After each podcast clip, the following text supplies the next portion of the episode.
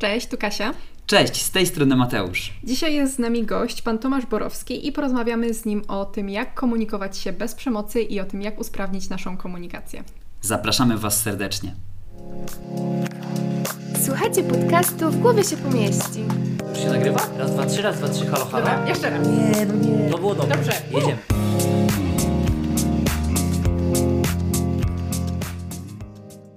Moi kochani, dzisiaj gościmy w naszym studiu pana Tomasza Borowskiego. Pan Tomasz jest psychologiem, ale uwaga, również fizjoterapeutą i filologiem. Wykłada na naszym Uniwersytecie SWPS ym, i wykłada przedmioty takie jak psychologia emocji, diagnoza osobowości, psychologia zdrowia, psychosomatyka, ale i również komunikacja NVC. Prywatnie interesuje się poezją, muzyką, kulturą reggae, historią i literaturą średniowiecza. Prowadzi również bloga i jest przewodnikiem muzealnym po obozie koncentracyjnym Sztutow w Sztutowie. Sztuthof? Sztutow? Bardzo dobrze. Bardzo dobrze. I od 25 lat pracuje klinicznie z pacjentami. Dobrze, dzisiaj y, na początku zadamy panu kilka pytań o pana doświadczenie, takie y, pracownicze, kliniczne. Dobra. Y, następnie przejdziemy do takiej merytorycznej części i będziemy rozmawiać o NVC, czyli o komunikacji bez przemocy. Mhm. E, A pod koniec zadamy pytania godne i niewygodne, czyli wszystko, co się w głowie pomieści, czyli takie trochę już e, praktyczne, e, może trochę szalone pytania. Skończył Pan aż trzy kierunki studiów. Co było pierwsze i kiedy zdecydował się Pan na psychologię? No tak, trzy, trzy rzeczywiście wyszło, ale do trzeciej klasy ogólniaka wiedziałem, że będę albo weterynarzem, albo psychologiem. No, życie, życie, życie takie, jakie e, popchnęło mnie w te strony, ale w każdej z tych dziedzin, zarówno jak to była psychologia, fizjoterapia czy filologia, szukałem prawdy o człowieku. E, Fizjoterapia to dla mnie poznanie ciała, ważne, ważne, bo poznanie ciała ludzkiego, jak ono funkcjonuje. I to jest istotne, bo my sobie w sumie jako psycholodzy tak sobie uświadamiamy, że oto ludzie, którzy zajmują się ciałem, powinni znać się na psychice, na psychologii. Ale z drugiej strony to jest też w naszej pracy psychologicznej ważne, żeby wiedzieć, jak działa ciało. Nie tylko mózg, nie tylko układ nerwowy, ale w ogóle ciało. E, No choćby dlatego, żeby nie dać się zwieść tym takim modnym, wysanym z palca bajeczkom Lowena i innym takim bezeceństwom. Natomiast e, filologia polska to było drugie, konkretnie językoznawstwo. Ja w ogóle mi się marzyło, żeby zajmować się literaturą średniowiecza, które w ogóle jestem w niej rozkochany, ale językoznawstwo to, to, to, to była moja taka domena, w tym psycholingwistyka. E, To, to też, to też zupełnie niedoceniana jeszcze taka nauka, wciąż niedoceniana. No, Ale Apollo był bogiem poezji i medycyny, dlatego to razem się mi to- łączyło. I wreszcie przyszedł czas na psychologię. Psychologię jako takie, takie ukoronowanie w, za- w zasadzie mojego szukania prawdy o człowieku. Gdyby istniała reinkarnacja, no to, to miałem jedno pragnienie, żebym się tą psychologią za, zajął wcześniej w życiu. E, Ale myślę, że, że, że to wszystko jest potrzebne do tego, żeby rzeczywiście docenić e, mm, e, studiowanie psychologii. Pewnie matematycy mają rację, że matematyka jest królową nauk, ale my wiemy jedno, że, że psychologia to jest jej, to jest tych nauk boginią. Tak na to patrzę, to, to uważam, że to jest jedna z, chyba najciekawsza nauka w ogóle, według mnie. Pięknie powiedziane. A czy obecnie e, łączy Pan w jakiś sposób te wszystkie trzy kierunki? Łączę w ten sposób, że chociażby, chociażby ta komunikacja, tak? Rzeczywiście komunikacja, nie da się połączyć tak zawsze, ale chociażby, no tak, jak, jak uczę komunikacji medyków, no to w tym momencie wykorzystuję trzy rzeczy, tak? Czyli psychologię, e, naukę o języku i, no, i, i, i moją znajomość medycyny, tego środowiska medycznego. Tak, w zasadzie łączę je w różnych konfiguracjach. To właśnie w taki sposób to, to, to się przydaje. Paradoksalnie to, paradoksalnie to nie są rzeczy rozłączne. Tak? To, to nie jest chemia i teologia, tylko rzeczywiście coś, co jest bliżej związane. Nie? Rzeczywiście, jak Pan o tym teraz opowiada, to tak na pierwsze skojarzenie nie, nie miałem poczucia, że jest to jakoś bardzo zbliżone, ale teraz jak Pan o tym mówi, to rzeczywiście faktycznie no, filologia, fizjoterapia i psychologia mają coś wspólnego. Wspomniał Pan o warsztatach, tak? NVC. Tak. No, warsztat to jest w ogóle z komunikacji dla medyków. Ja jestem e, fizjoterapeutą, więc, więc myślę, że fizjoterapeuci to jest w ogóle taka specyficzna grupa medyczna, która jest bardzo zainteresowana komunikacją. Myślę, że troszkę wiele bardziej niż na przykład e, stomatolodzy czy, czy, e, czy na przykład ratownicy. Oczywiście też, ale pod innym kątem. Natomiast praca fizjoterapeuty to jest praca tak naprawdę tak tete a tet gdzie rzeczywiście pracuje się z pacjentem godzinę na przykład dziennie i to wymaga rzeczywiście kompetencji takich komunikacyjnych, dlatego są zainteresowani taką. Tak, to, rzecz, to rzeczywiście, natomiast filologia polska to jeszcze jeden aspekt. Czytając tak naprawdę rzeczy, które ludzie napisali, no to poznajmy ich myśli, jak one się zmieniały, jak kiedyś pojmowano świat, jak kiedyś patrzono w ogóle na, na, na drugiego człowieka. Myślę, że to jest bezcenne. To myślę, że to jest bezcenne. To, to. Tak na to patrzę. Też jeszcze pomyślałem sobie o tym, czym Pan się zajmuje po godzinach, czyli rozumiem, że jest Pan e, przewodnikiem e, po, w obozie koncentracyjnym, byłym obozie koncentracyjnym i rozumiem, że tam również wykorzystuje Pan e, tą komunikację z ludźmi. No bycie przewodnikiem muzealnym po takim muzeum jak były obóz, to jest, to jest rzecz specyficzna. To nie jest oprowadzanie wycieczek po Malborku, gdzie, gdzie, gdzie pokazujemy, nie wiem, ludziom zbroje rycerskie. Tutaj mówimy o rzeczach tak naprawdę trudnych, bo, bo po pierwsze poruszamy się po terenie, który jest jednym wielkim cmentarzem. Tam każdy metr kwadratowy to jest e, miejsce, gdzie coś się wydarzyło, coś się działo. Mm, zwiedzanie takich miejsc jak, jak komora gazowa, jak krematorium, opowiadanie ludziom o, o rzeczach, które rzeczywiście są mm, no, tragiczne, wymaga takiego pewnego też takiego zrozumienia taktu. Znaczy zrozumienia tej materii, ale też przedstawienia umiejęt, umiejęt, takiego pełnego no, empatii, bo różne są, róż, różne są wycieczki. Są wycieczki osób dorosłych, są wycieczki młodzieży, są wycieczki dzieci tam od 13 roku życia, ale też jedną, pamiętam moją drugą wycieczkę, jaką prowadzałem, to okazało się, że to jest wycieczka osób dorosłych z niepełnosprawnością intelektualną. I słuchajcie, dla mnie to był szok. Nagle Przyjeżdżają do mnie ludzie niepełnosprawni intelektualnie. Jak im opowiadać o takim miejscu? Ja wtedy nie miałem pojęcia, że są to najfajniejsze grupy.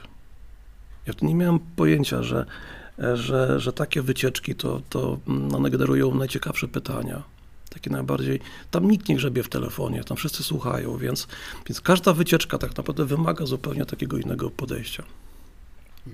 No i psycholog się tam przydaje. To pamiętam, że jak sam studiowałem, to zorganizowałem taką wycieczkę dla moich kolegów, mm, czyli taką wycieczkę po Stutthoфie oczami psychologa. Nie?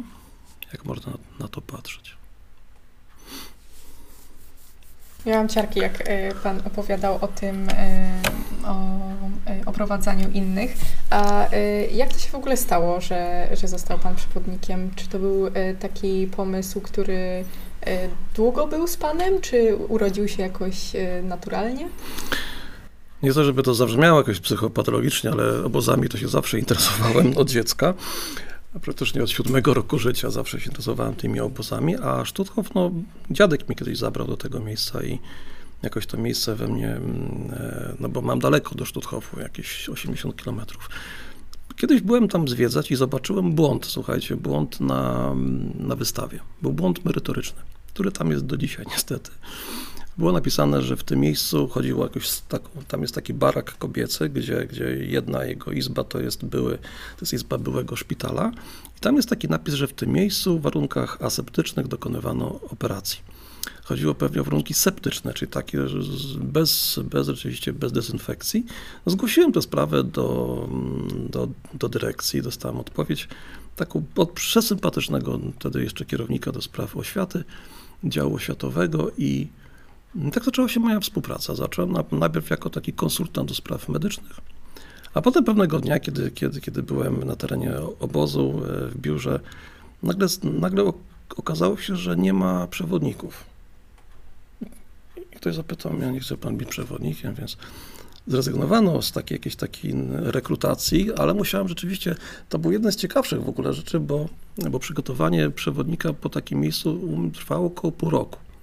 Musiałem się no, całą historię nauczyć rzeczywiście o strony, więc miałem egzamin z teorii, egzamin z topografii, no a potem miałem chyba najtrudniejszy egzamin, jaki chyba miałem, to egzamin, gdzie musiałem oprowadzić wycieczkę, która składała się z przewodników.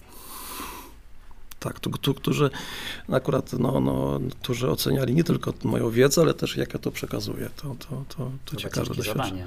No takie, no, prawda? Tak sobie rzeczywiście no bo też y, podczas takiego egzaminu to, no, no to inny przewodnik ocenia nie tylko moją wiedzę, ale tak naprawdę czy ja, czy ja chcę, żeby on był moim kolegą, nie? Mhm. To jest coś takiego, tak, to... Rozgadałem się troszeczkę, więc słuchajcie, na temat, na temat obozu to, to możemy jechać. Przejdźmy teraz do części merytorycznej, czyli do komunikacji bez przemocy. Czy mógłby Pan nam powiedzieć, czym w ogóle jest komunikacja bez przemocy? Komunikacja bez przemocy. Najprościej rzecz ujmując, to taka empatyczna komunikacja oparta o potrzeby. Potrzeby własne, ale też innych ludzi i o emocje swoje i, i naszych rozmówców, która się cechuje szacunkiem dla obu stron. To wszystko zanurzone jest w empatii. Empatii skierowanej mm, zarówno do rozmówcy, jak i skierowanej do siebie samego. Polegał na tak w bardzo wielkim skrócie na rozpoznawaniu emocji i nazywaniu tych emocji własnych, emocji naszego rozmówcy i rozpoznawaniu potrzeb. Czy to są dwie kluczowe rzeczy: emocje i potrzeby. Marshall Rosenberg, który jest twórcą tej, tej, tej niezwykłej mm, koncepcji komunikacji, zakładał, że źródłem naszych emocji są nasze potrzeby. Nie wydarzenie, które się wydarza, ale to, co to wydarzenie powoduje, mm, jak wpływa na to, jak jest, jak jest postrzegane, postrzegane nasze, nasze potrzeby. Tak inaczej mówiąc, jeśli słyszymy o to, że ktoś do nas mówi, jesteś głupi jak but, to Rosenberg mówił, to nie te słowa powodują u ciebie emocje, ale to, że być może masz potrzebę e, własnej wartości, masz potrzebę bycia szanowanym, tak? I teraz każdy z nas ma różne potrzeby na różnym poziomie. Są wśród nas takie osoby, które w obliczu takiego komunikatu jesteś głupi jak but, się uśmiechną i spłynie po nich jak po kaczce. Ale są takie osoby, które na ten komunikat zareagują bardzo, rzeczywiście bardzo, bardzo radykalnie. I wszystko to wynika, czy rzeczywiście ta potrzeba szacunku, potrzeba na przykład e, mm, e, bycia zauważonym, potrzeba samooceny, na ile nas jest ważna. I Rosenberg mówi tak, jak bardzo ta potrzeba jest dla ciebie ważna, tak mocno zareagujesz. Tak? Czyli nie źródłem jest to wydarzenie, tylko to, że ta potrzeba na przykład szacunku jest nie, nierealizowana, dlatego że ktoś po prostu ciebie w ten sposób nazwał. Tak, tak w założeniu, tak najprościej, gdybym miał komuś wytłumaczyć, tak, tak na, za, za pomocą kilku słów, czym jest komunikacja NVC. Czy to oznacza, że jeżeli będę empatyczny i na przykład rozpoznam tak samo świadomie, że jestem poirytowany, to będzie bardzo łatwo mi tak powiedzieć w tym duchu NVC jakąś frazę do mojego rozmówcy? Czy to nie jest takie proste? Bo to brzmi tak dosyć trywialnie, to brzmi tak łatwo. Miej wgląd, miej empatię i już rozumiem, że komunikujemy się bez przemocy. Czy tak jest w praktyce? W praktyce jest tak, że zasady NVC są proste, ale, ale ich używanie wymaga rzeczywiście takiego treningu, codziennego takiego treningu, codziennego trenowania, codziennego, mm, e, codziennego zmagania się oczywiście z tym takim naturalnym naszym odruchem, tak, bo, bo my możemy zareagować bardzo różnie na ten komunikat i pierwszym takim naszym od, odruchem jest konfrontacja, tak, sam jesteś głupi. Albo dlaczego tak mówisz, tak? Sam jesteś głupi, nic ci nie zrobiłem. A NBC mówi, że należy z tego zrezygnować. To jest coś takiego, co jest tak naprawdę mm, e, niezgodne z tym, z czego żeśmy się nauczyli. Bo cała nasza edukacja, którą żeśmy wdrożyli, ona nas wplątuje w taką grę wygrany, przegrany. Tak? Ona o tym mówi, że ty musisz po prostu pokazać, że jesteś ważniejszy, lepszy. Tak? To, że ty wygrywasz, to ty kogoś przekonałeś. A tu nagle Rosenberg mówi tak, chcesz wygrywać czy być szczęśliwy? Tak. I to jest taki konstrukt, który w zasadzie jest konstruktem prostym w przekazie, ale trudno go tak naprawdę w życiu mm, zawsze i wszędzie zrealizować. Tak? To, to, to, dlatego komunikacja NVC prost, ma proste założenia, ale tak jak pan mówi, nie jest to takie automatyczne i takie oczy, oczywiste, żeby ją wykorzystać. To jakie są te założenia czy zasady komunikacji bez przemocy? Te reguły, mm, te reguły też są, wydawałoby się, proste. To, to może na takim przykładzie e, taki z życia. Wyobraźmy sobie o taką sytuację, że oto jestem z drugą połówką i ta druga połówka do mnie mówi tak, wiesz co, wkurzasz mnie tym ciągłym olewaniem mnie, mam tego dość. No i w zasadzie mogę do tego podejść wielorako. Taki, jeden ze sposobów to jest takie wzięcie winy na siebie. Ok, skoro tak mówi, to znaczy, że pewnie tak jest, pewnie, no pewnie ostatnio coś takiego robię, że, ma, że daje powód do, do takiego zachowania, więc mówię, kurczę, no wiesz co, no rzeczywiście, wiesz, no masz rację, przepraszam cię, to, to, no coś z tym spróbuję zrobić. To jest sposób, który wpędza mnie, wpędziłby mnie w poczucie winy, tak, bo on mówi o to, że jestem może beznadziejny, tak, rzeczywiście ta złość jest y, z moją stronę skierowana, ona rzeczywiście jest złością, która, która jest no, w jakiś sposób e, up, no, uprawnomocniona. Drugi sposób to jest też taki, że pójdę w ten taki najszybszy mój sposób, czyli pójdę w konfrontację. Kiedy usłyszę, wkurzasz mnie tym ciągłym olewaniem, nie mam tego dość, mówię, tak, a ty mnie nie olewasz, tak, gdzie ty, słuchaj, ty też ze mną nie rozmawiasz, ciągle cię nie ma. Ile razy tak było? Tak, i to jest naturalne. I zaczynamy się w tym momencie licytować, tak? I znowu, dlaczego to robimy? Wygrany, przegrany. To ja muszę tak tutaj mówić, żeby okazać się tym lepszym. E, druga strona będzie robić dokładnie to samo. No i w tym momencie z, no wiemy, czym to się kończy. Tak, fochem albo gdzieś tam się nie odzywaniem. Trzecim sposobem, mm, który, który znamy, który często gdzieś w takich tam coachingowych rzeczach jest wykorzystywany, to jest takie, e, on polega na tym, że to kieruje empatię do siebie. Czyli słyszę taki komunikat, wkurzasz mnie tym ciągłym olewaniem mnie, więc mówię, e, słuchaj, mm, wiesz co, mnie jest bardzo przykro, jest mi smutno, kiedy słyszę takie słowa, bo uważam, że sobie nie zasłużyłem, bo uważam, że mm, wiesz, ostatnio byłem naprawdę dużo pracuję, bywam zmęczony, więc rzeczywiście może to tak wyglądać. No jest to całkiem dobry sposób, całkiem dobry, dobry sposób. Natomiast Rosenberg, co wprowadził w NVC, coś zupełnie rewolucyjnego. On mówi, a gdyby tak, zauważyć potrzeby drugiej strony. Na razie zapomnij o tych swoich, swoich uczuciach, zapomnij o swoich potrzebach, skup się, zastanów się, co może leżeć u źródeł e, takiego, tak, takiego komunikatu. Tak? Czyli zauważ w tej komunikacie, który rzeczywiście słyszymy, emocje i potrzeby. I taka, jak ja to nazywam, anatomia takiej empatycznej odpowiedzi składa się z takich trzech elementów.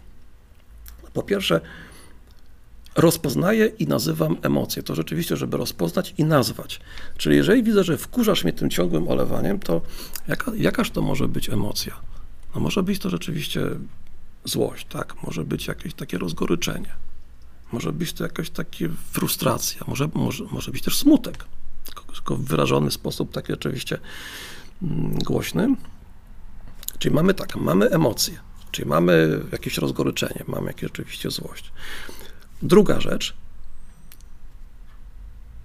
rozpoznaje potrzebę.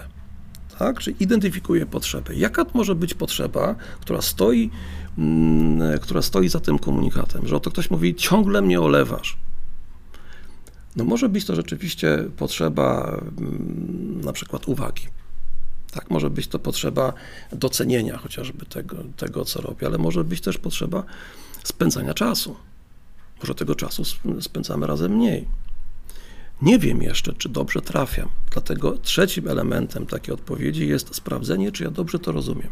Czy inaczej mówiąc, mamy emocje, mamy potrzebę i zadaję test, testującą taką prośbę o, o informację zwrotną. Tak? Czyli mogę powiedzieć, widzę, że jesteś rozgoryczona tym, że nie spędzamy sobą tyle czasu, ile byś chciała, tak? Czy, czy, ile, ile, ile byś chciała, ile potrzebujesz, tak? Czy, czy mam rację?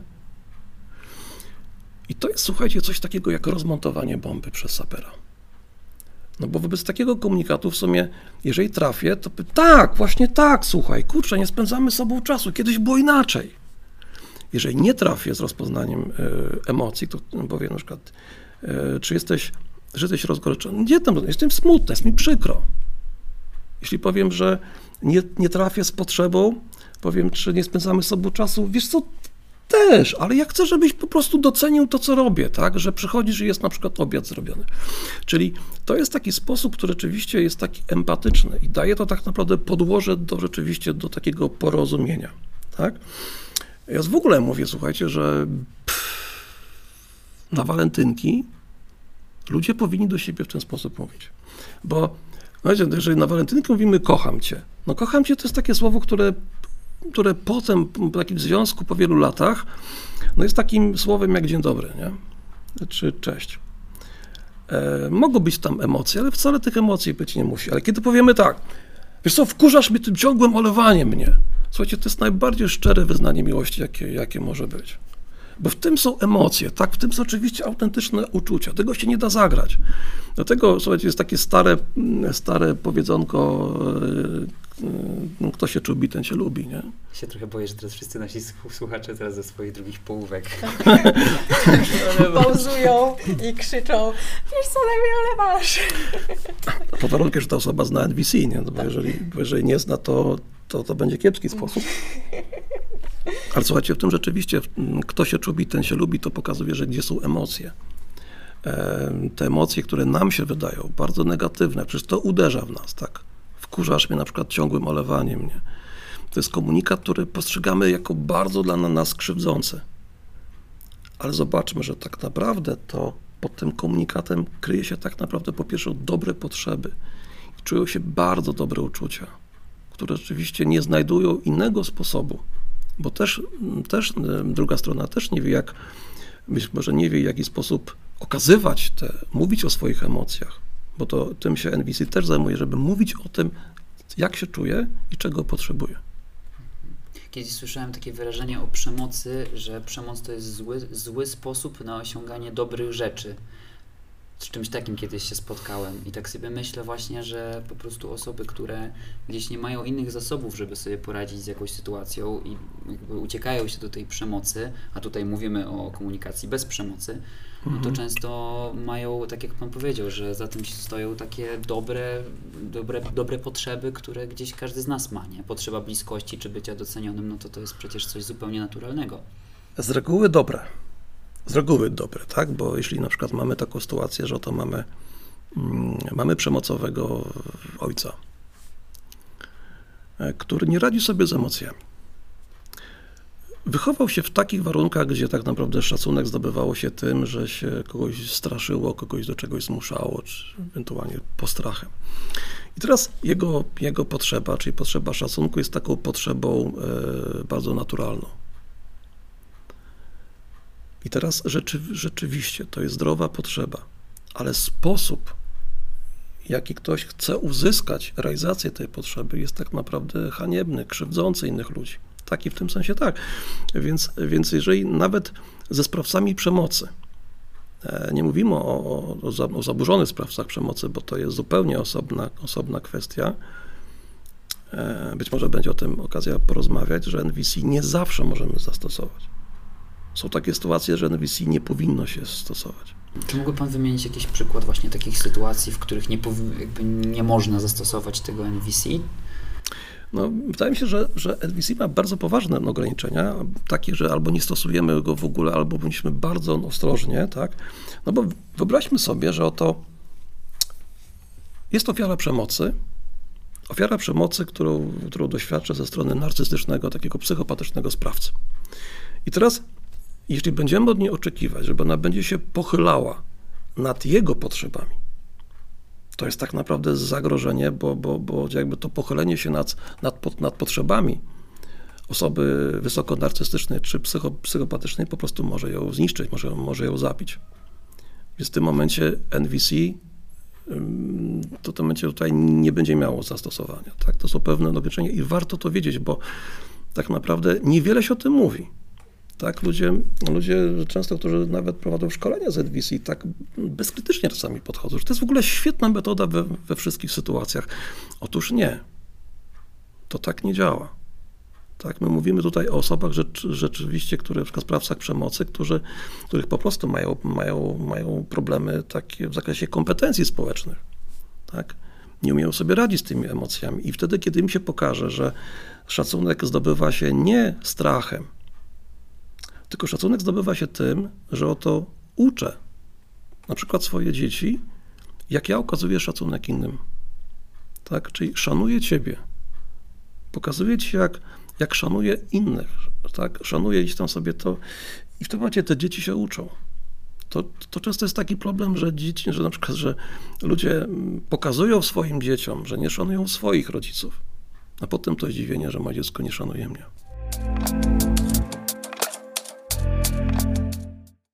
Jeszcze chciałem zapytać o taką kwestię, bo tak jak Pan mówił o tym przykładzie, w którym e, odpowiadamy tej naszej drugiej, drugiej połówce mm, w różny sposób i tak coś mnie tknęło, bo chciałem zapytać, czy ta, ta osoba, na przykład ta nasza druga połówka mm, inaczej, mogłaby się zwrócić z takim stwierdzeniem do nas.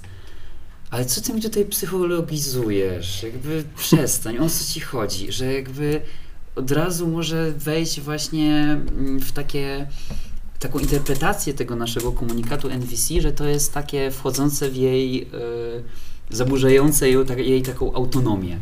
I jakby się Pan mógł do tego odnieść, że tak właśnie nie psychologizuj mi tutaj. E, to jest bardzo możliwe. To jest bardzo możliwe, szczególnie kiedy jesteśmy na początku ścieżki mm, e, stosowania NVC, że oto nasz język może być troszkę dziwny, tak? No bo, no bo po pierwsze jest zdziwienie, tak? Więc no, pocisnę panu jakiś komunikat i liczę na to, że pan mi tutaj się odgryzie. A pan zaczyna tutaj do mnie jakoś dziwnie mówić. Jakoś tak sobie myślę, albo wariat, albo manipuluje mną, tak? I w tym momencie jakieś, no, jakieś psychologiczne sztuczki. Tak, to, to, to najczęściej tak właśnie, tak właśnie bywa. E, mm, zdarzyło mi się wielokrotnie, że ktoś po prostu do mnie powiedział, co tak ze mną, szczególnie w komunikatach, kiedy piszemy, tak, bo komunikacja NVC to nie tylko rozmowa taka mówiona, ale też czasami coś piszemy, ktoś mówi, czemu tak dziwnie do mnie piszesz? I wtedy, słuchajcie, najprostsze po prostu jest, wiesz co, napiszę w ten sposób, ponieważ chcę poznać swoje potrzeby, czy dobrze cię rozumiem. Na zwyczajnie świecie mówimy tak naprawdę, co nami przyświeca. Wiem, że to może dziwnie, ale wiesz, bo no tak to może nieskładnie to powiedziałem. Czyli po prostu bądźmy szczerzy, mówmy tak naprawdę szczerze, co, co, e, żeby druga osoba też miała pewność, że, no dobra, on tak dziwnie gada, no ale dobra, no, ma dobre intencje. Jakbym tak do kumpla napisał, to by chyba stwierdził, że jakoś tak sarkastycznie piszę na przykład.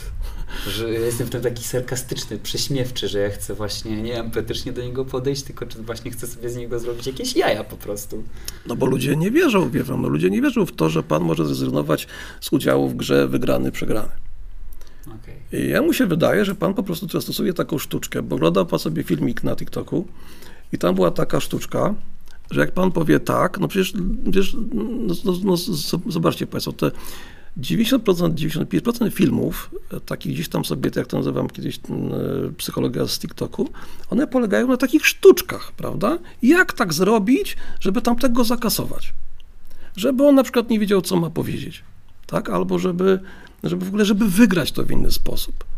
Nawet jeśli on na przykład nie wie, to inni patrzą z boku i o super, super, super. Nie? Zobaczcie Państwo, że w ogóle mm, porozumienie się w ogóle jest nieatrakcyjne. Ludzie w ogóle nie chcą, to jest w ogóle nieatrakcyjna rzecz. Ludzie, jak sobie o, zobaczymy sobie taką, jakieś tam sobie takie mm, filmiki gdzieś tam sobie na jakichś mediach społecznościowych, no to one nawet mają w nazwie, tak, że oto ktoś kogoś zaorał, ktoś kogoś zmasakrował. I to jest rzeczywiście tak, jak rzeczywiście widzimy, że jest taki, wyobraźcie sobie Państwo taki filmik, a taki, naz, taki tytuł tego filmiku na przykład na YouTube byłby Zobacz jak Kaczyński pięknie dogadał się z Tuskiem.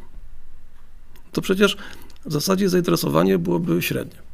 Jakby tam było, że ktoś kogoś zaorał, ktoś kogoś zmasakrował, to było rzeczywiście by inny sposób. Nie? Więc, więc nic dziwnego, że na początku nam ludzie nie ufają. Ale kiedy widzą, że my ponieważ ta, ta odpowiedź w duchu NVC, ona dotyka dwóch rzeczy. Ona dotyka po pierwsze emocji i po pierwsze naszych, znaczy nie naszych, tylko naszego rozmówcy, emocji i jego potrzeb. Teraz jak panu powiem, no widzę, że no widzę, że jest pan przytłoczony tym, tak. Bo, bo chciałby pan rzeczywiście, żeby, żebym wyraził się w sposób taki czy taki to w tym momencie widzi Pan, że ja chcę, robię to, żeby Pana poznać, tak? Żeby poznać to, co, to, co jest w Panu środku. Że ja tego nie robię dla takiego, o tutaj, jaki to jestem tutaj, yy, pokażę to panu zaraz, tu udowodnię coś. Nie? Więc myślę, że, że, że przy takim drugim zetknięciu to naprawdę działa. Przy pewnych ograniczeniach, o których mówiliśmy, no nie zawsze stosować, ale w większości, naprawdę w większości zwykłych takich naszych, mm, to podejście z empatią. Ludzie to doceniają. Chyba, że trafimy na kogoś, kto po drugiej stronie jest po prostu takim czystym makiawelistą, po prostu nie ma, gra bez żadnych zasad. Nie ma, nie ma reguł no to tutaj nie będzie rozmowy, tak? Tutaj no nie ma sensu e, empatycznie podchodzić do kogoś, kto tak naprawdę no, no po prostu nie ma, nie ma dobrych intencji. On tylko czeka rzeczywiście, że pana wypunktować, pana wyśmieje, tak? Czyli gra bez, bez żadnych zasad. Tutaj też NVC po prostu, no po prostu lepiej z taką osobą po prostu mm, zrezygnować z jakiejkolwiek takiej, takiej e, wdawania się w potyczki, chociażby internetowe. Powiem szczerze, że e, w przypadku takich na przykład dyskusji internetowych, na forum publicznym to zwykle jest tak, że mm, one ciężkie są. Ale w przypadku, kiedy ja wielokrotnie zdarzyło mi się, że pisałem w takiej wiadomości prywatnej, Okazywało się, że tam jest zupełnie inna rozmowa. Kiedy nazwałem emocje mojego rozmówcy czy rozmówczyni, kiedy, kiedy napisałem, jak odbieram jej potrzeby, to tam z reguły nie było już tego, tego szyderstwa, nie było. To, to troszkę jest inaczej, nie? Mówiliśmy do tej pory o empatii, o rozpoznawaniu potrzeb drugiej osoby, jej emocji. E, co jeszcze możemy zrobić, żeby pracować nad własną komunikacją? Najprościej mówiąc, to hmm, najprostsza rzecz, to po prostu trzeba codziennie ćwiczyć. Ja wiem, że to jest taki truizm, ale gdyby zapytała mnie pani, jak, y, jak popracować nad własną kondycją, to powiem to samo. Tak? Po prostu trzeba codziennie ćwiczyć. Mm, albo gdybyśmy teraz mieli sobie usiąść i dawać komuś radę, jak nauczyć się języka obcego. No to po prostu trzeba codziennie ćwiczyć.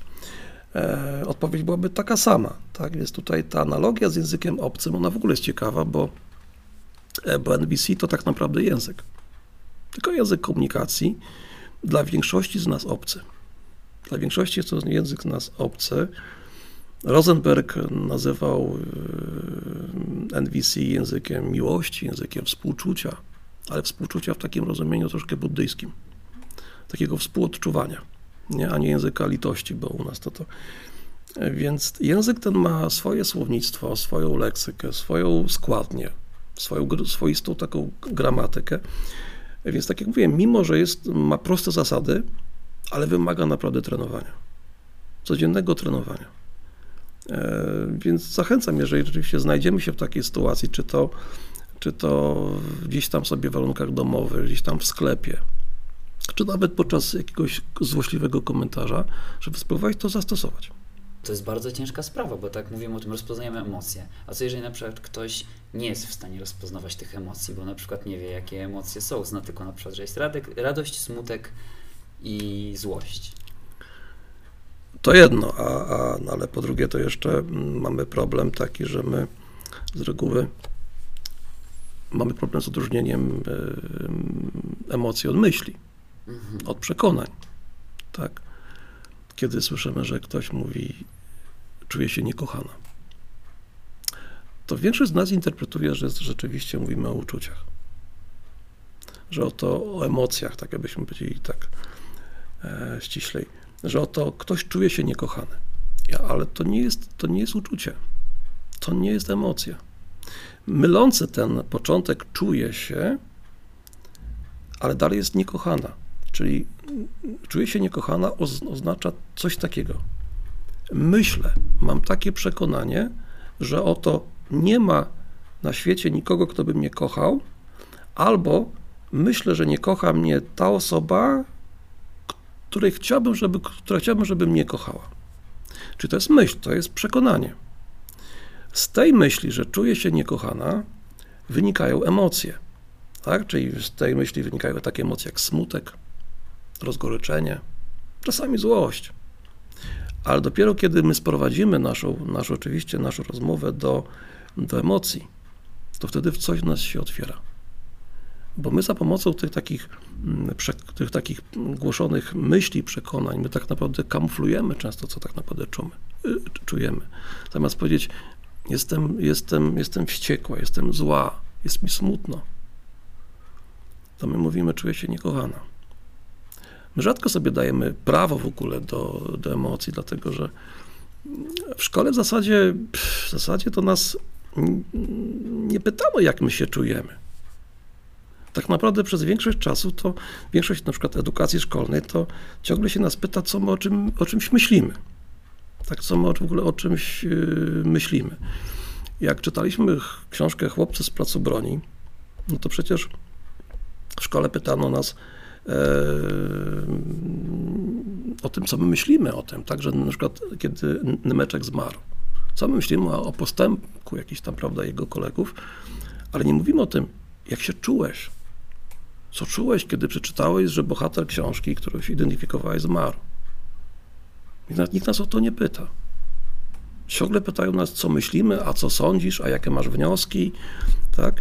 Więc my mamy w ogóle problemy z zapytaniem, tak, na- znaczy w ogóle z opowiadaniem na to, jak się czujemy, kiedy, kiedy zapytamy drugą osobę, też o drugą połówkę, jak się czujesz, to wcale nie wykluczone, że być może jest to pytanie, które usłyszała pierwszy raz w życiu. Kiedy zapytamy, jak się czujesz.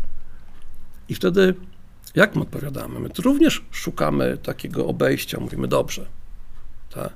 albo czuję się bez sensu. E, Albo czuję, że, że czuję, że w ogóle, że ta rozmowa nie ma, nie ma sensu. To nie jest uczucie, czuję, że rozmowa nie ma sensu, ale my tak naprawdę bronimy się przed tym, bo, bo żeby opowiedzieć o swoich uczuciach, musimy tak naprawdę zrezygnować z tej naszej maski, tak, z tego naszego pancerza, takiego, którym, którym chronimy się przed całym światem, który tak naprawdę nam czasami wmówiono, że jest zły, tak, że nie będzie przez nas zrozumiany. Tak, bo z jednej strony, bo zobaczcie Państwo, że mamy tak naprawdę taką, mm, e, że mamy jednocześnie postulujemy, żeby mówić o tych emocjach, a jednocześnie żyjemy w takim przedziwnym, jakimś takim przedziwnym świecie, który, mm, któremu zawierzyliśmy, że oto on dba o nasze potrzeby. Mamy taki, mm, taki dwa paradygmaty, taki indywidualizm i kolektywizm. Tak, indywidualizm, czyli takie oto przekonanie, że, że, że potrzeby jednostki są na tyle ważne, że czasem reszta świata musi się do nich dostosować.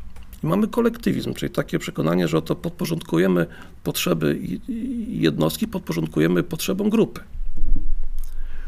E, Ten paradygmat u nas się zmienia. Kiedyś, w latach 80. jeszcze, był paradygmat taki kolektywistyczny. Wiem, że Państwo znają film Alternatywy 4. Alternatywy 4 Barei, no tam jest przecież scen, tam, słuchajcie, jeszcze 35 lat temu, przecież ludzie, którzy mieszkali w jakichś osiedlach, oni musieli, e, każde, każde, każde mieszkanie musiało, było to różnie, ale około 4 do 10 godzin rocznie przeznaczyć na prace społeczne. Trzeba było kopać e, trawniki, no, ogródki, był e, grafik sprzątania klatek schodowych. Ludzie to robili. Nikt się temu specjalnie nie dziwił. Dzisiaj jest to nie do pomyślenia, tak? Dzisiaj, dzisiaj mamy taką brawo ja, brawo ty, tak? Oczywiście ja jestem teraz ważny. Jakieś 20 lat temu przyszła moda na asertywność. Wtedy rozumiano ją, naucz się mówić nie. Tak, naucz się mówić nie. No i ludzie zaczęli mówić nie. Zaczęli być tak naprawdę na początku bardzo z tego powodu bardzo zadowoleni, że oto rzeczywiście ludzie mi tam na głowę nie wchodzą. Ale zaczęliśmy zauważyć, coraz więcej ludzi jest roszczeniowych. I ta roszczeniowość spowodowała, że zaczęliśmy tracić nasze relacje społeczne. Bo osoba wysoko asertywna, dzisiaj wiemy, że najnowsze badania mówią, że, że, że, że, asertywność y, koreluje dodatnio z psychopatią. I, i takie osoby wysoko asert- asertywne postrzegane są jako aspołeczne. Tak, czy coraz trudniej tak naprawdę nam ten, ten, ten świat rzeczywiście tutaj e, ogarnąć. Zobaczcie Państwo, że uwierzyliśmy w RODO. Myśmy uwierzyli w RODO, że, że nasze dane, jak imię, nazwisko, poznanie przez kogoś nam zagraża. Z- z- Zdjęliśmy sobie z własnej woli tabliczki z drzwi. Słuchajcie, tak jakbyśmy nagle przestali się na przykład wstydzić swojego imienia, nazw- nazwiska. Więc nic dziwnego, że to krępujemy się tak naprawdę pokazać naszą twarz. naszą twarz taką, jak ona jest, z, z emocjami, które od, odczuwamy. Tak więc, jak się czujesz? Dobrze. Bardzo mi się podobała ta analogia z y, literaturą, no bo faktycznie y, jesteśmy pytani, co autor miał na myśli, Mhm. gdy analizujemy wiersz, a nie to, jak my się z tym czuliśmy. Albo To jak było- przeżywał, tak, prawda? Bo tak, to albo jak właśnie przeżywał. jakie emocje chciał przekazać w ogóle autor. To było y, niesamowite.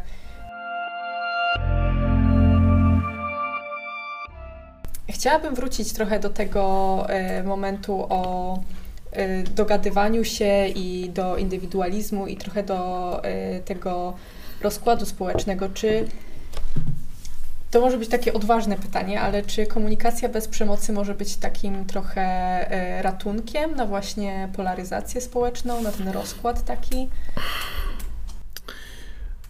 Może być, może być, aczkolwiek, aczkolwiek też, że, no bo tak, no rzeczywiście obserwujemy taką, taką polaryzację, tak, rzeczywiście, że to się, nam się społeczeństwo gdzieś tam sobie polaryzuje w różnych takich kwestiach dosyć ważnych, tak, chociażby jak no, sprawa tych szczepionek ostatnio. I kiedy rzeczywiście czytamy różne takie komentarze, że oto mamy polaryzację, jak sobie z tą polaryzacją e, poradzić, to tak zastanawiam się, czy w ogóle, czy, czy, mm, czy jest jakaś szczególna wartość w tej, w tej depolaryzacji. Czy rzeczywiście jest tak, że powinniśmy sobie mm, z, robić wszystko, żeby nie było takiej polaryzacji? Tak, żebyśmy byli coraz siebie do, bardziej do, do siebie podobni. Mm, e, Myślę, że polaryzacja jest w ogóle skutkiem naszej różnorodności. Różnorodność tak naprawdę no, to zakłada z definicji, że oto jesteśmy różni. Mało do tego, mamy nawet prawo do tego, żeby się różnić. Mamy nawet prawo do tego, żeby się różnić bardzo. Różnić się diametralnie. No oczywiście no, polaryzacja no, bywa niebezpieczna, bo ona rodzi różne antagonizmy, ale te antagonizmy w zasadzie to nie jest jakaś domena polska na przykład. Tak? To ruch, ruchy antyszczepionkowe wcale nie powstały w Polsce. U nas stosunkowo to są jednak małe ruchy w tym, co jest e, na zachodzie. Ja myślę, że ważne jest tak naprawdę mm, coś, co kiedyś usłyszałem od, od, od, od, od, od e, mojej takiej taki, taki mistrzyni, jeśli chodzi o, uważam, że to, to, to jedno z, naj, z najmądrzejszych rzeczy, jakie w ogóle usły- usłyszałem jako student psychologii. E, to było zdanie, że psycholog nie powinien nigdy przykładać ręki do inicjatyw, które mają na celu dzielenie ludzi. Czyli możemy akceptować, możemy to zrozumieć tak naprawdę, że my się czymś różnimy, tak? Bo to, że my się, bo to, że my się różnimy, no mamy prawo się różnić. E, mamy, mamy w ogóle mamy problem, żeby na przykład się czasami dogadać, kiedy, te mamy, kiedy, kiedy mamy do czynienia z różnymi skrajnymi poglądami, tak? E, dogadać się można zawsze, e, ale nie zawsze to musi się udać, tak? Ponieważ wymaga to chęci z obu stron. Jeżeli mamy konflikt, to taki, był taki gość Mur, który, który opisał, że konflikty mogą być na pięciu poziomach. Pięciu różnych jakby obszarach naszego życia, czy może być konflikt relacji, że kogoś nie lubimy najzwyczajniej w świecie. Może być konflikt strukturalny, czyli mamy jakąś przewagę, ktoś na przykład jakoś ekonom, ekonomiczną powoduje to konflikt. Mamy konflikt danych, że oto nie zrozumieliśmy siebie. Coś opacznie zrozumiałem, okazuje się, że wcale nie jest takie, ale, ale jest konflikt. Mamy konflikt interesów, czyli na przykład z konkurencją, ale mamy wreszcie konflikt wartości. Ten konflikt wartości jest uważany za nierozwiązywalny. Nie rozwiążemy konfliktu wartości za pomocą dogadania się, że oto wypracujemy coś wspólnego. E, Poradzenie sobie z konfliktem wartości polega na tym, że oto, że oto musimy się zgodzić na to, że się, że się ze sobą nie zgadzamy. Czyli nie zgadzamy się ze sobą, różnimy i będziemy się różnić, ale nie podejmujemy tych kwestii. Tak na przykład gdzieś tam sobie czasami jest w jakichś takich ruchach ekumenicznych. Tak? Nie dogadamy się w tej kwestii, będziemy się różnić, ale nie będziemy z tego powodu się zabijać. Tak? To, to, to o to chodzi. I tutaj również musimy zrezygnować wtedy z tego wygrany, przegrany, o którym dzisiaj tak rzeczywiście dużo, dużo mówię. Ale to, że warto się dogadywać, to też pokazuje przykład mediacji sądowych.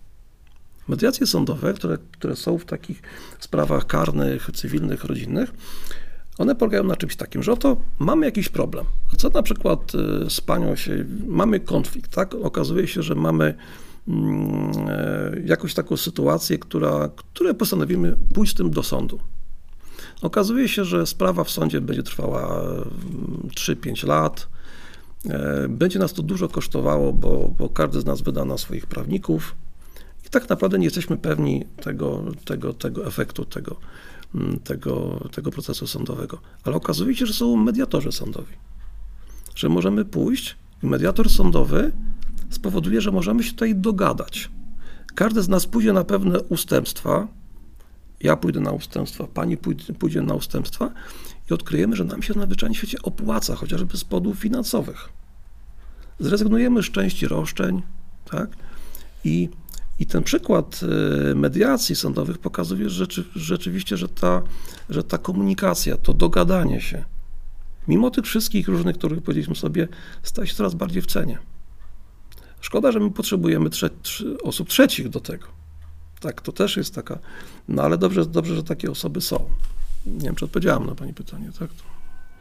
Ja się też zastanawiam, bo też bliskie mi jest to takie postrzeganie e, różnorodności e, w kontekście takiej otwartości na tą różnorodność i że Mhm. możemy sobie wspólnie współistnieć z różnymi poglądami, ale zastanawiam się, na ile gdzieś taka rady, radykalizacja totalna nie jest przeszkodą troszeczkę dla takiego współistnienia, bo tak jakby kojarzę sobie na przykład, mówimy o, mówi, wspominał Pan o forach Tak. internetowych Mhm. i tak wyobrażam sobie gdzieś, gdzie na tym kontinuum gdzieś ta polaryzacja występuje gdzieś jakoś, nie jakoś kilom, kilometrowo daleko, tylko metrowo załóżmy to w tej analogii, Mhm. to że jeszcze w porządku, ale tak jak sobie myślę o takiej kompletnej radykalizacji, jak bierzemy sobie jedną jednostkę z lewej i drugą kompletnie z prawej, to zastanawiam się, co możemy w takim przypadku zrobić, gdzie ta polaryzacja jest już taka ekstremalna. Czy w ogóle istnieje jakiś przepis na to, jak można się lepiej dogadać, czy... Hm, Tak o tym sobie pomyślałem, w takim bardziej hardkorowym przypadku. Tak, tylko te, tylko te, te hardkorowe rzeczy, one jednak dotyczą pewnych stereotypów. Tak? Inaczej mówiąc, jeżeli widzę jakąś grupę ludzi i ta grupa jest przeze mnie postrzegana jako grupa mnie zagrażająca. Inaczej mówiąc, jeżeli zobaczę, jeżeli wiem, na przykład jakaś grupa, przypuśćmy, że, że, że no trudno mi teraz jakiś taki przykład, ale, ale mamy jakąś taką sytuację, że oto na przykład, nie wiem, w czasie w wojnie w Jugosławii byli Serbowie i byli Chorwaci, tak? I rzeczywiście prowadzili sobą, Serbowie tam mścili się za to, co Chorwaci robi mm, Serbami, bo, bo, bo to, co Chorwaci Serbom fundowali, tam były też obozy koncentracyjne, bardzo brutalne. Ale w ten sposób poruszamy się w obrębie takich stereotypów, że oto każdy człowiek, który należy do, tam, do danego da- narodu, danej grupy, on po prostu jest taki sam.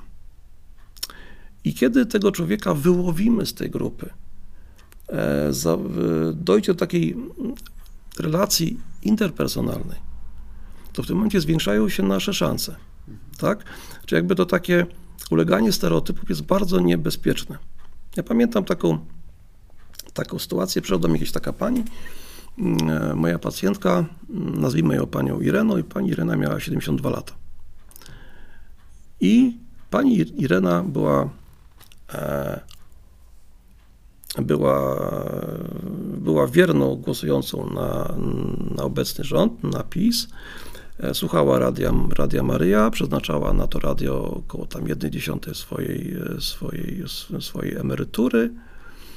Chodziła nawet e, z takim moherowym beretem na, na głowie, a jej zięć tak naprawdę cały czas jej dokuczony jest taki moherowy beret. I pani Rena do, do mnie przyszła i prosiła mnie, żebym naprawił jej biodro. Naprawił jej biodro z dwóch powodów, bo pani Rena ma dwóch sąsiadów, to są niepełnosprawni mężczyźni. Ona codziennie rano przychodzi do nich, robi im zakupy. Wiesza im jakieś tam firanki, myje okna. To oczywiście tam jest opieka społeczna, ale pani Renka robi to znacznie lepiej. Pani Renka potrzebowała tego biodra z jeszcze jednego powodu, ponieważ pani Renka jest bardzo wielką fanką Unii Europejskiej. Ona, ona po prostu cieszy, że jesteśmy w Unii Eu- Europejskiej, bo to jej daje możliwość podróżowania. I ona mówi, wie pan, dzięki temu mogę po raz pierwszy pojechać. I pani Rena, ponieważ należy do takiego kółka takiego mm, modlitewnego, które zajmuje się takim no, pomocą osobom ciężko chorym, więc pani Rena postanowiła w wieku 72 lat spełnić swoje marzenia, pojechać do Rzymu, zobaczyć Watykan.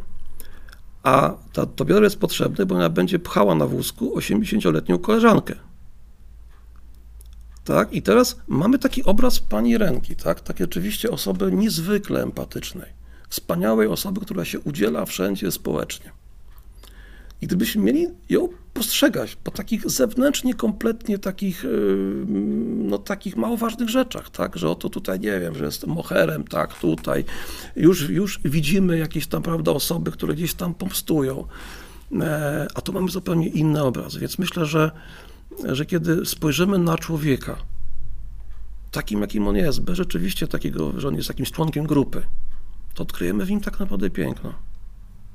Tylko musimy rzeczy, rzeczywiście te, mm, te, te stereotypy, chociażby nawet z języka, bo jeżeli będziemy deprecjonować innych, tak, będziemy jakimiś e, inwektywami.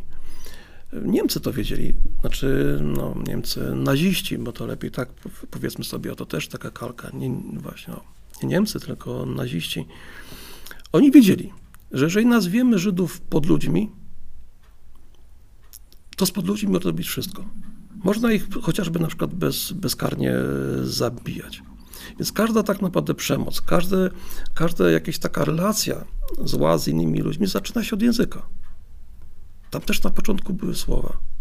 Potem było wybijanie szyb, a potem były komory gazowe. Więc ten język, to jak mówimy do, z drugim człowiekiem, jak, znaczy jak z nim się komunikujemy, jak o nim mówimy, to jest podstawą. I myślę, że tak jak początkiem zła jest zły język, tak myślę, że początkiem dobrych rzeczy jest tak naprawdę dobry język.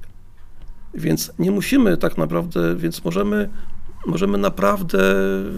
Ja spotykałem się, się z ludźmi, którzy, których gdyby byli w grupie, prawdopodobnie czułem się bardzo źle. Byłaby to grupa, która by, nie wiem, no może kompletnie jest sprzeczna z moimi wartościami, takim, czyli otwartość, tak, czy, czy, czy, czy, czy liberalizm. Ale kiedy tych ludzi, kiedy spotykałem takiego jednego pana, który do mnie przyszedł, to to był niezwykły takiej urody ducha człowiek. Ja wiedziałem, że on z kumplami pewnie jest inny, nie? jak to tak kolokwialnie mówiąc, z tymi kumplami, ale jako człowiek był zupełnie był sobą. Myśmy sobie świetnie rozmawiali, nie zgadzaliśmy się w wielu sprawach. Ale to, ale to jest piękne. To jest piękne tak naprawdę, bo całe piękno tego świata, że po prostu się różnimy. I czasem, i czasem to, to, to nasze różnienie się, znaczy to, to, to że się róż, różnimy, różni, to jest czasami no, powodem naszych zgryzot, ale a czasami taką bardzo ważną wartością. Więc pozwólmy czasami się depolaryzować, znaczy polaryzować się na różnych kwestiach. Nie pozabieraliśmy się z powodu szczepionek. Okej, okay, jakoś żyjemy, tak? E, więc tutaj tak samo, no po prostu nie obrażajmy siebie. To, że ktoś inaczej myśli, e, teraz profesor Doliński i profesor Grzyb wydali świetną książkę. 100 technik wpływu społecznego. Książkę się niezwykle czyta. To jest bardzo dobrze, fajnie napisana książka i jest niezwykle popularna. Dlaczego jest popularna? Bo my tak bardzo chcemy wpływać na ludzi. My bardzo chcemy, żeby oni byli tacy sami jak my. Tak samo myśleli, tak samo się zachowali. Tak, tak, tak, tak, tak samo się zachowywali, więc my tego chcemy czułem się spokojniejszy z ludźmi, którzy są rzeczywiście tacy sami jak my, ale my jako psycholodzy wiemy, że tak nigdy nie będzie i właśnie piękno świata jest to, że się różnimy. Takie jedna, jedno słowo mi przyszło na myśl, jak Pan o tym mówi i to jest słowo ciekawość. Kiedyś rozmawialiśmy o wdzięczności, pamiętam chyba przy odcinku świątecznym, a teraz przychodzi mi na myśl ciekawość w kontekście właśnie ciekawości do innych ludzi i ciekawości do tej inności. Bo często mam wrażenie, że podchodzimy do tej inności w taki sposób lękowy. W sensie, że mhm. inne to znaczy zagrażające mi. A wydaje mi się, że gdzieś, e, jak sobie przekierowujemy tą naszą uważność na ciekawość, żeby jakoś doświadczyć tego świata takim, jak on jest, to może gdzieś łatwiej jest nam wejść w taki schemat myślenia, o którym Pan mówi. Taką mam refleksję. Tak, i znowu tutaj walczymy z naszą naturą, bo to, co Pan mówi, to jest efekt pokłosie naszej kultury. Ale nasza natura w środku mówi, że obcy to jest zły. Obcy ma na sobie jakieś pewne bakterie. E, Alternatywy 4 może Państwo nie kojarzą, ale, ale bajkę Krudowie Państwo kojarzą pewnie. I tam w Krudach, to jest taka animowana bajka, i tam, i tam Krudowie to są jaskiniowcy. I wszystkie rody jaskiniowców umarły, tylko nie wyginęły, tylko nie wyginęła rodzina Krudów, ponieważ oni mieli taką, taką, mieli taką dewizę, nigdy się nie nie bój. Tak? I po prostu wszyscy, którzy się po prostu byli, byli mili wobec obcych, ginęli, a oni się odsuwali, dzięki temu przeżyli. No i ten jaskiniowiec w nas tkwi, tak, że jak widzimy obcego, no to my gdzieś tam czujemy taki opór, no ale wszystko się zmienia i zmieniamy się z tym światem. Tak, on, im mniej będziemy postrzegać go jako zagrażający, tym tak naprawdę być nam łatwiej rozmawiać. Będziemy mieli ochotę z sobą rozmawiać. Bo jak będziemy czuć, że to osoba nam zagraża, no to włącza się, przecież włącza się nas wszystko, co się włącza, tak. Ze współczulny włącznie. Jest tylko uciekać. Ale gdzie tu, gdzie tu wiać, jak ziemia jest kulą? Pozwolę sobie wrócić jeszcze na momencik do tego przepisu komunikacji NVC, żeby gdzieś jakoś tak podsumować tą część merytoryczną. Rozumiem, że na początku ważne jest rozpoznanie emocji u naszego rozmówcy. Jak już na przykład swoim językiem tak powiem, jakbym kompletnie pierwszy, jak pierwszy raz słyszę NVC, rozpoznajemy emocje. Widzę, że na przykład moja narzeczona jest wkurzona. Myślę sobie, co za tym wkurzeniem może stać. I sobie myślę, kurczę, może ona po prostu właśnie potrzebuje więcej uwagi z mojej strony. Okej, okay, i to co się zadziało w mojej głowie, do tego potrzeba takiego w ogóle zatrzymania się na chwilę i pomyślenia o tym. No i okej, okay, i mówię do niej komunikat. Widzę, że jesteś zła. Rozumiem, że potrzebujesz więcej uwagi z mojej strony. Czy tak?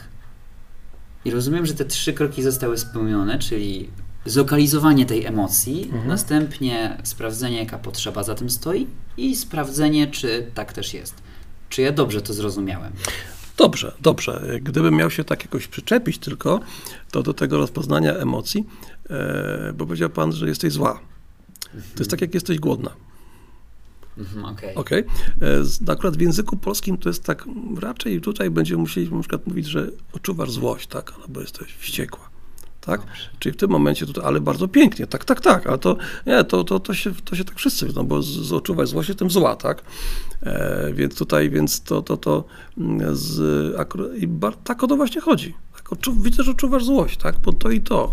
I czy, i czy dobrze myślę, bo, bo jeśli my tego nie powiemy, to tak naprawdę zamykamy też empatyczny dostęp.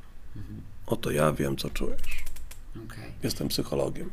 Na pewno czujesz to, potrzebujesz tego. Czyli te trzy kroki rozumiem, że są warte do zapamiętania. No to proszę bardzo, po takim przyspieszonym kursie to nawet ja tutaj w NVC mówię. rozumiem. E, w takim razie. Do dzieła. Dokładnie, do, do, dzieła. do, dzieła. Mamy już e, zasoby, jesteśmy wyposażeni w NVC, możemy działać e, i stosować to na ulicy. W takim razie płynnie pozwolimy sobie przejść do części e, pytań godnych i niewygodnych, czyli wszystko, co się w głowie pomieści. Mamy przygotowane parę pytań do Pana. E, pierwsze z nich chcieliśmy się zapytać, czy pamięta Pan może jakąś taką sytuację ze swojego życia prywatnego, na przykład już nie w jakim, na jakimś szkoleniu, tylko załóżmy w jakimś sklepie, na ulicy, nie wiem, na meczu, gdziekolwiek, gdzie właśnie próbował Pan zastosować tą e, komunikację NVC, ten przepis, o którym rozmawialiśmy, a wiem, że takie sytuacje były, bo już Pan o tym wspominał, i ktoś zareagował kompletnie nie w taki sposób, jak pan by tego gdzieś się spodziewał? E, to następne pytanie poproszę, tak? Czy, czy, czy rozumiem? E, mm, e, no pewnie, że tak. Żeby to była tylko jedna sytuacja taka, albo to była ta jedna sytuacja taka, gdzie rzeczywiście, gdzie próbowałem zastosować NVC i guzik z tego wyszło. A pan przypomina sobie taką jakąś taką najbardziej, y, która panu została w głowie? Mnóstwo. Musiałem teraz tak pomyśleć, ale powiem tak, tak sobie zastanawiałem się, dlaczego czasami mi to nie wyszło. Mm, e, każda z tych sytuacji czegoś mnie nauczyła. Tak? A może to jakieś będzie łatwiej, że e, czasem było to tak, że po prostu, że ja nie byłem wystarczająco wytrwały w stosowaniu NVC. Po prostu co nie machnąłem ręką, spotykałem się na przykład z jakąś taką reakcją, e, ale też w drugiej sytuacji, druga taka sytuacja, to co mówiłem, że po drugiej stronie ktoś gra bez zasad. Czyli po prostu stosujemy NVC, a druga strona po prostu nie bierze jeńców. Nie ma ochoty z nami rozmawiać, nie ma ochoty na rzeczywiście na to, na to porozumienie. E, Było mnóstwo takich sytuacji, no, szczególnie, szczególnie ja tutaj taki, e, kiedy rzeczywiście jest jakaś rozmowa, dyskusja gdzieś tam sobie w internecie. I czasem ten pierwsza ta myśl, no to jest to fatalny doradca. Bo problem jest taki, że jeżeli my się, dlaczego te dyskusje internetowe są takie dla nas rozpalające? Bo kiedy my się na ulicy spotkamy z kimś tak naprawdę, kto z kimś rzeczywiście dojdzie do jakiegoś nieporozumienia, to tak naprawdę jesteśmy tylko, tylko tutaj dwie osoby. Ale kiedy ktoś nam pociśnie, pociśnie publicznie jakiś komentarz, to w tym momencie takie potrzeby jak potrzeba samooceny, potrzeba szacunku, tak, potrzeba, to jest, to jest bardzo wiele różnych potrzeb. E, mm, e, mogą rzeczywiście tutaj moich naruszonych. Więc tam rzeczywiście było mi zwykle trudno, tak, to, to wiele, za, za wiele komentarzy gdzieś tam sobie, dzisiaj bym to inaczej napisał, ale to mnie nauczyło, że tak naprawdę dało mi taką lekcję, że, że, że właśnie, że, że, że to NVC się tak naprawdę, to jest fajna metoda, trzymaj się, tak, szczególnie dzisiaj, kiedy ktoś może e, odpowiesz w taki sposób pierwszy takie myśli, wykasujesz, tak ktoś ci zrobi tak zrzut. Więc myślę, że tutaj tak, ja, ja też no, rzeczywiście to nie wstydzę się tego, no po prostu no, to jest, dla mnie jest lekcja, też mogę o tym mówić yy, tak, no może nie z dumą, ale rzeczywiście dało mi to coś, tak, rzeczywiście te komentarze takie publiczne, ponieważ ja się dużo udzielam, e, no i to tak, to tak, to może tak troszkę wymijające pan odpowiedział. Y, Czyli y, tak, no tak, rozmowa w internecie jest y, trudna, pewnie też przez taką właśnie anonimowość, ale też to, o czym Pan mówił, że nie jesteśmy twarzą w twarz, nie widzimy tej osoby, nie widzimy jej ekspresji, emocji. Jakie jeszcze ściany powodują takie problemy w komunikacji? ściany. No, takie ściany, które mogą nam być takim murem do takiej, właściwie ścianą, mur taki, prawda, do, do takiego porozumienia. Ja nazywam to takimi czterema jeźdźcami e, apokalipsy. Cztery jeźdźcy apoka, apokalipsy to wieszczą koniec świata, a ja naz- ja nazywam to, że to są cztery jeźdźcy, którzy, którzy wieszczą koniec rozmowy. I ta rozmowa się kończy po prostu. Nie? E, takim jeźdźcem, takim, to rzeczywiście na takim koniu narowistym e, jeździć, to, jest, to, to są osądy moralne. To jest w ogóle coś takiego, że my w ogóle uwielbiamy po prostu kogoś osądzać, tak? Czyli a, zarzucamy komuś coś, tak? Ty zawsze coś tam, tak? To, to zarzucamy komuś mm, złą, złą intencję, złą wolę albo brak dobrej woli, to, to, to też jest, tak? To, to co, to, co, mm, to, co nieraz, to, co wszyscy wiemy, że tak jak mówimy, że tam słowa takie jak nigdy, zawsze, tak? To, co, to sławetne zdanie, że słowa nigdy i zawsze są tak, e, tak wielkie, że trzeba zawsze uważać, żeby ich nigdy nie używać. Inwektywy. No Przecież inwektywy to jest coś takiego, co my używamy, ale możemy inwektywy nawet e, używać, nie mając świadomości, że są to inwektywy. To jest, to jest też bardzo taka delikatna sprawa. Tak, to, to mm, dotyczące różnych na przykład y, grup, różnych narodów, narodowości. Używamy coś w dobrej wierze, się okazuje, że jest to inwektywa. Warto o tym, o tym, o tym wiedzieć. Tak? Czy mógłby Pan jakiś przykład takiej inwektywy, żeby wszystkim e, rozjaśnić? No na przykład y, na świadków Jehowy mówi się Jehowy. Tak? I kiedy powiemy, że ten Jehowy czy ta Jehowa, e, i to jest taki przykład, że my często tak używamy. Ale kiedy naprawdę spotkamy osobę, która należy do, do, e, do, tego, do tego związku wyznaniowego, to naprawdę nie, nie łatwi nam to komunikatu. Tak? E, Są na przykład pośród nas ludzie, którzy należą do narodu romskiego, którzy mówią o sobie, że są Cyganami, a część mówi, że są Romami. I to też trzeba mieć na uwadze. Tak, to, to, więc oczywiście te inwek, inwektywy, takie to, to, na przykład czubek, tak, to, to nie wiem, czy Państwo wiedzą, skąd się wzięło słowo czubek. Y, Nazwa czubek się wzięła, bo to mało kto wie. Od jakichś kapeluszy? Prawie, prawie, prawie. Bo ludzie, bo ludzie myślą, no dzisiaj czubek to, no to tak jest takie pogardliwe określenie mm, e, pacjenta zakładu psychiatrycznego. Ale kiedyś, e, ale historia tego, tego, tego słowa jest, jest znacznie inna. Mianowicie, e, kiedyś osobami chorymi psychicznie zajmowali się bonifratrzy. to byli tacy oczywiście tacy, tacy, tacy zakonnicy, którzy nosili takie czapki w kształcie takiego czuba. I wtedy mówiło się, że ktoś znajduje się u czubków. Trafić do czubków, czy trafić do tych zakonników. E, Potem no, zakonnicy coraz mniej przystali, znaczy prowadzili te, znaczy te szpitale takie psychiatryczne bonifratrów zaczęły być coraz bardziej świeckie. E, Bonifratrzy zniknęli, ale określenie znaleźć się u czubków pozostało, ponieważ nie było desygnatu, jak to, jak to byśmy powiedzieli językoznawczo. W związku z tym ten czubek przeniósł się na, na tych podopiecznych. Lekce, lekceważenie to też jest taka rzecz następna, tak? Czy unieważnianie uczuć. A co ty tam? No spoko, tam głowa do, głowa do góry. Porównania to następny jeździec apokalipsy. Tak, porównuje e, kogoś do kogoś. Tak, to wiesz, a, zobacz, a, a Monika też była w ciąży i pracowała. Nie tak jak ty. My w ogóle lubimy.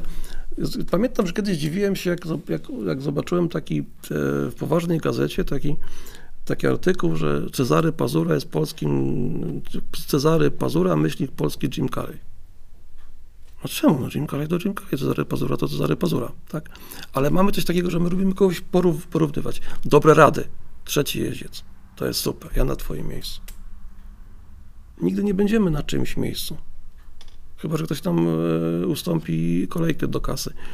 Nigdy nie będziemy na czymś miejscu, tak? Ale ja na twoim miejscu zrobiłbym to czy tamto. To też zamyka rozmowę. No i, i, i czwarty taki jeździec, który, który, który, który pisze Rosenberg, to, to jest wypieranie się odpowiedzialności. Także oto ja robię coś, ale ktoś lub coś jest temu winien. Tak? Czy ktoś jest, e, jest temu winien, że coś robię. Tak? To Ros- Rosenberg mówi, to nie jest tak. Nie możesz mówić, on mnie zdenerwował.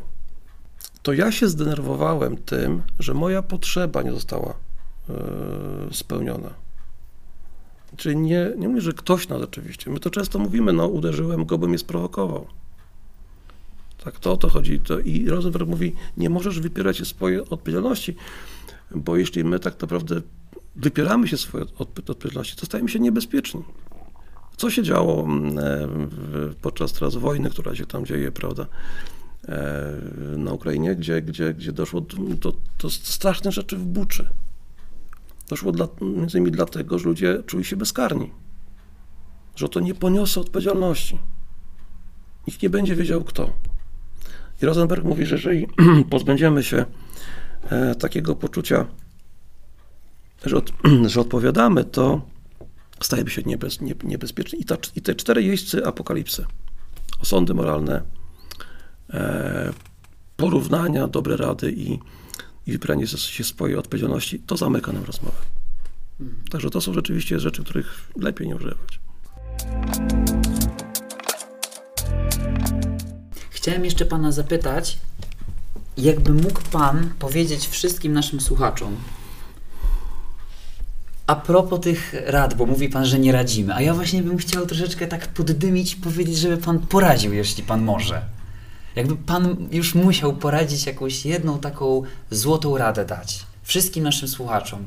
Co powinni robić, żeby lepiej komunikować się z innymi ludźmi, to co by to było? Co by to było?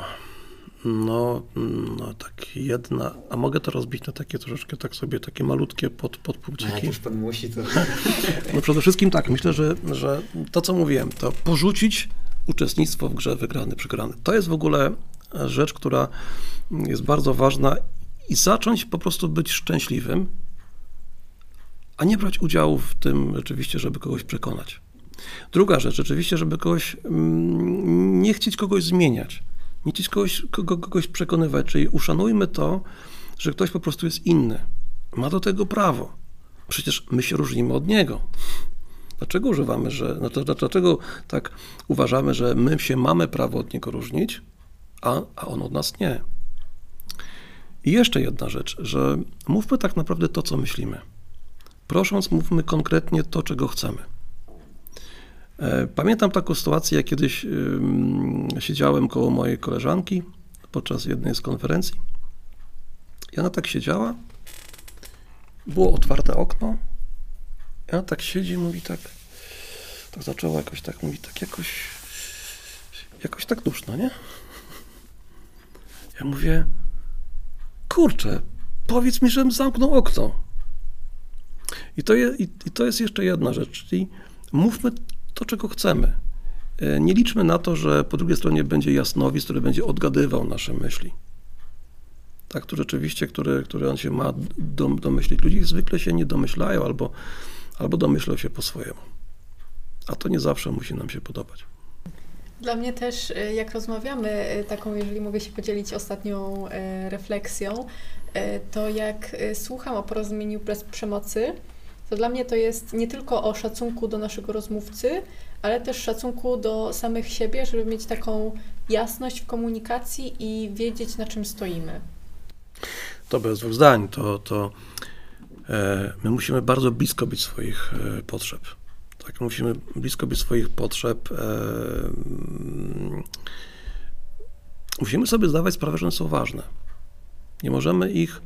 Mm, e, Musimy traktować nasze potrzeby poważnie. Jeżeli nie będziemy poważnie traktować swoich potrzeb, jeżeli będziemy pokazywać ludziom, że my tak naprawdę dla nas potrzeby nie są ważne, to ryzykujemy tym, że oni nam uwierzą. Że oni nam uwierzą, że nasze potrzeby, że nie mamy potrzeb na przykład. I to jest taka rzecz, która oczywiście jest istotna, ważna mm, e, w tym wszystkim, żeby być blisko swoich potrzeb, żeby pozwolić sobie na to, żeby mieć potrzeby. Tak jak mówiliśmy o tych emocjach. E, My mamy emocje. Te emocje są nam potrzebne. My wiemy jako psycholodzy, do czego nam są emocje potrzebne. Mówmy o tym, jak się czujemy, ale też mówmy o tym, czego potrze- potrzebujemy. E, Różnimy się na przykład, różnimy się płcią. Są powody, dla których kobiety mają bardzo, że którym kobietom jest bardzo, bardzo trudno opowiadać o swoich potrzebach. Ale też mężczyźni, nam też jest trudno opowiadać o swoich potrzebach, często z zupełnie innych, innych powodów. Ale to jest, to jest ważne. To jest ważne. To e, pamiętam taką historię, to jeszcze tak może mm, jestem gadułą strasznym. To. Pamiętam taką historię, pewnego dnia do mnie moja znajoma e, przyszła, ona ma dwójkę dzieci. Ma córkę, która ma lat e, 13 i, i syna, który ma lat 4. I ona mówi do mnie tak, mówi, wiesz co, ja odkryłam, że ważne jest, żeby dzieci były wychowywane przez ojca i matkę. Ja mówię, tak? Tak. No bo zobacz, moja córka, 13-letnia, jak ona się przewróciła, płakała, no to wiesz, to ja ją brałam na kolana, przytulałam, no i tak naprawdę ona płakała, płakała, płakała, płakała, się wypłakała, przestała płakać. No i to samo robię z moim synem. Kiedy on się przewróci, no to on płacze. Tak, ja go biorę, tulę, pół godziny płakania tam, prawda. Natomiast mój mąż, on ma zupełnie inaczej. Po prostu on, mój syn się przewrócił, mówi, chodź, chodź, chodź, chłopaku, chodź, chodź, chodź. Chłopaki nie płaczą. I on płacze chwilę. Ja mówię, a, a który z tych jest lepszy według ciebie? Mówi, no ten, ten drugi. Dlaczego? No bo, płacz, bo płacze krócej.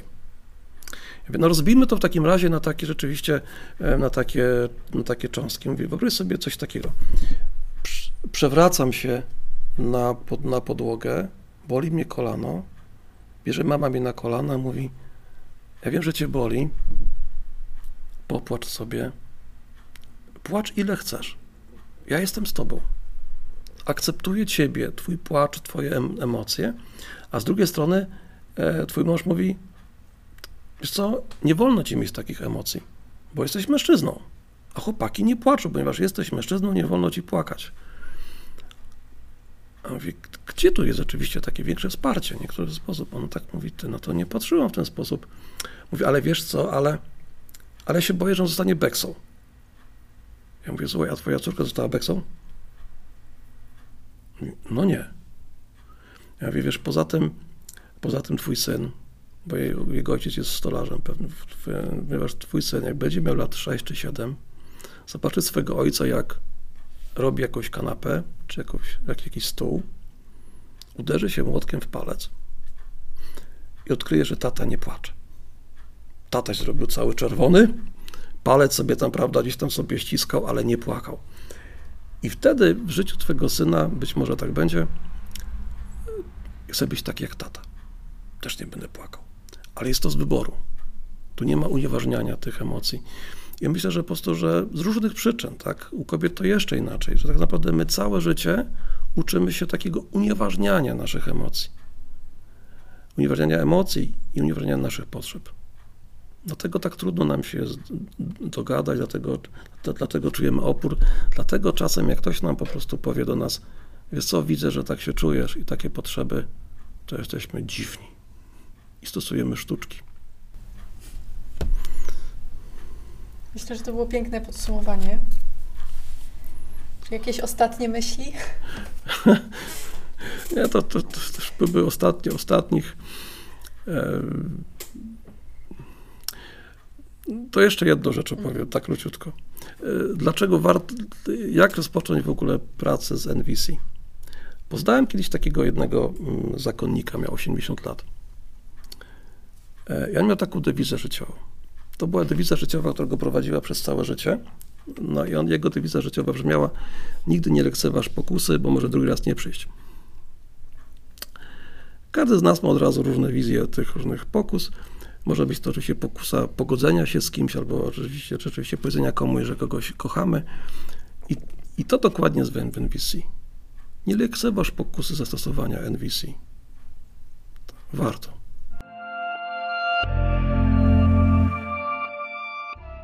Bardzo serdecznie Panu dziękujemy za wszystkie anegdoty, za całą merytoryczną wiedzę, którą nam, nam i słuchaczom dzisiaj Pan przekazał. E, jesteśmy dumni, że zgodził się Pan dzisiaj być naszym gościem. To ja dziękuję. To, to, to dla mnie to zaszczyt w takim e, gronie. To jest, wiem, że to jest podcast i tutaj nasi słuchacze nie, nie widzą, ale mamy cudowną atmos, atmosferę, bo naprzeciw mnie siedzi dwójka uśmiechniętych, wspaniałych, młodych ludzi. E, cała przyjemność po mojej, po mojej, po mojej stronie, to, to dzięki za ten spędzony czas wspólnie. Bardzo serdecznie dziękujemy. Mówili dla Państwa Kasia? i Mateusz oraz nasz, nasz gość Tomasz Borowski. Do usłyszenia. Dziękuję.